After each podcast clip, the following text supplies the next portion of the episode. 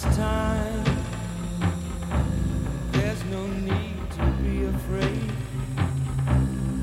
at Christmas time. Ideja radīt dziesmu Duzain Now It's Christmas galvā iešāvās grupas The Boomtown Rats līderim Bobam Geldofam, kurš pie darba ķērās kopā ar ultravoks solistu Midžu Jūru. Dziesma uzdod pavisam vienkāršu jautājumu, vai viņi zina, ka ir Ziemassvētki. Tādējādi tobrīd, 1984. gada novembrī, laikā pirms Ziemassvētkiem, viņi aktualizēja to, ka kamēr rietumu pasaule gatavojas Ziemassvētkiem, Etiopijā cilvēki mirst no bada. Bobs Geldovs jau ilgāku laiku bija sekojis līdzi ziņām no Etiopijas, kas vēstot par badu šajā Āfrikas valstī, nereti demonstrēja šausminošus skatus ar no bada izģindušu un viņsaulē aizgājušu cilvēku ķermeņiem. Reaģējot uz ziņās redzēto, Bobs Geldovs saprata, ka ar labdarību var mainīt Etiopijā notiekošo. Un par labāko veidu mūziķis atzina dziesmas radīšanu.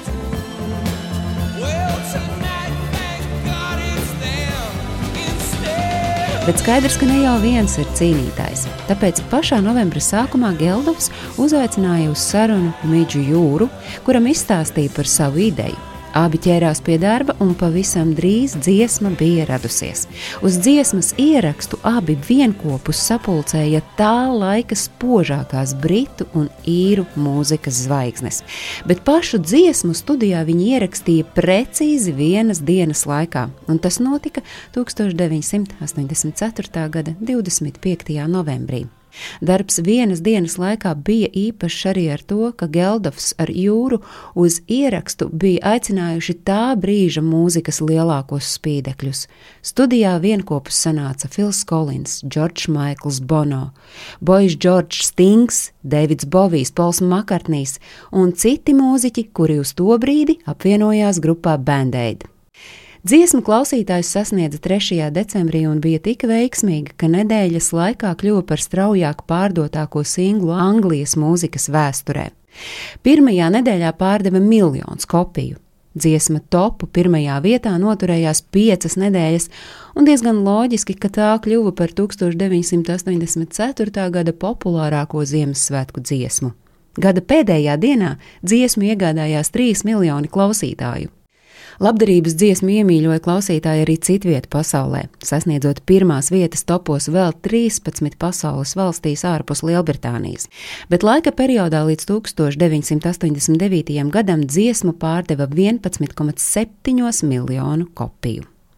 Dziesmas panākumus vēlāk pārspēja viena Eltona Džona 1997. gada versija dziesmai Candle in the Wind, kas pasaules slavu savukārt ieguva pēc princeses Diānas traģiskās bojājas. Lai gan šī nebija pirmā reize, kad mūziķi centās glābt trešās pasaules valstis, savulaik Džordžs Harisons bija iesaistījies Bangladešas glābšanā, Pols Makartnīs domāja par Kambodžu un sacerēja dziesmu, tomēr šī dziesma, Do They Know It's Christmas, pārspēja visus līdzšinējos centienus pievērst pasaules uzmanību situācijai trešajās pasaules valstīs. Geldofa piesardzīgās cerības uzsākot šo projektu savākt Etiopijas bada cietējiem 70 tūkstošus mārciņu, gada laikā tika pārspētas vairāk kārt. Ar dziesmas palīdzību 12 mēnešos Etiopijā bada izskaušanai nonāca 8 miljoni mārciņu.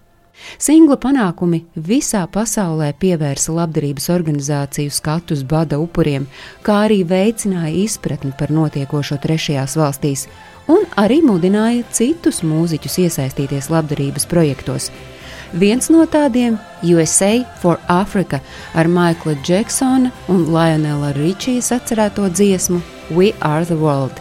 Tā jau pēc gada pārspēja dziesmas Do They Know It's Christmas panākumus, stāstīja Agnese Drunka.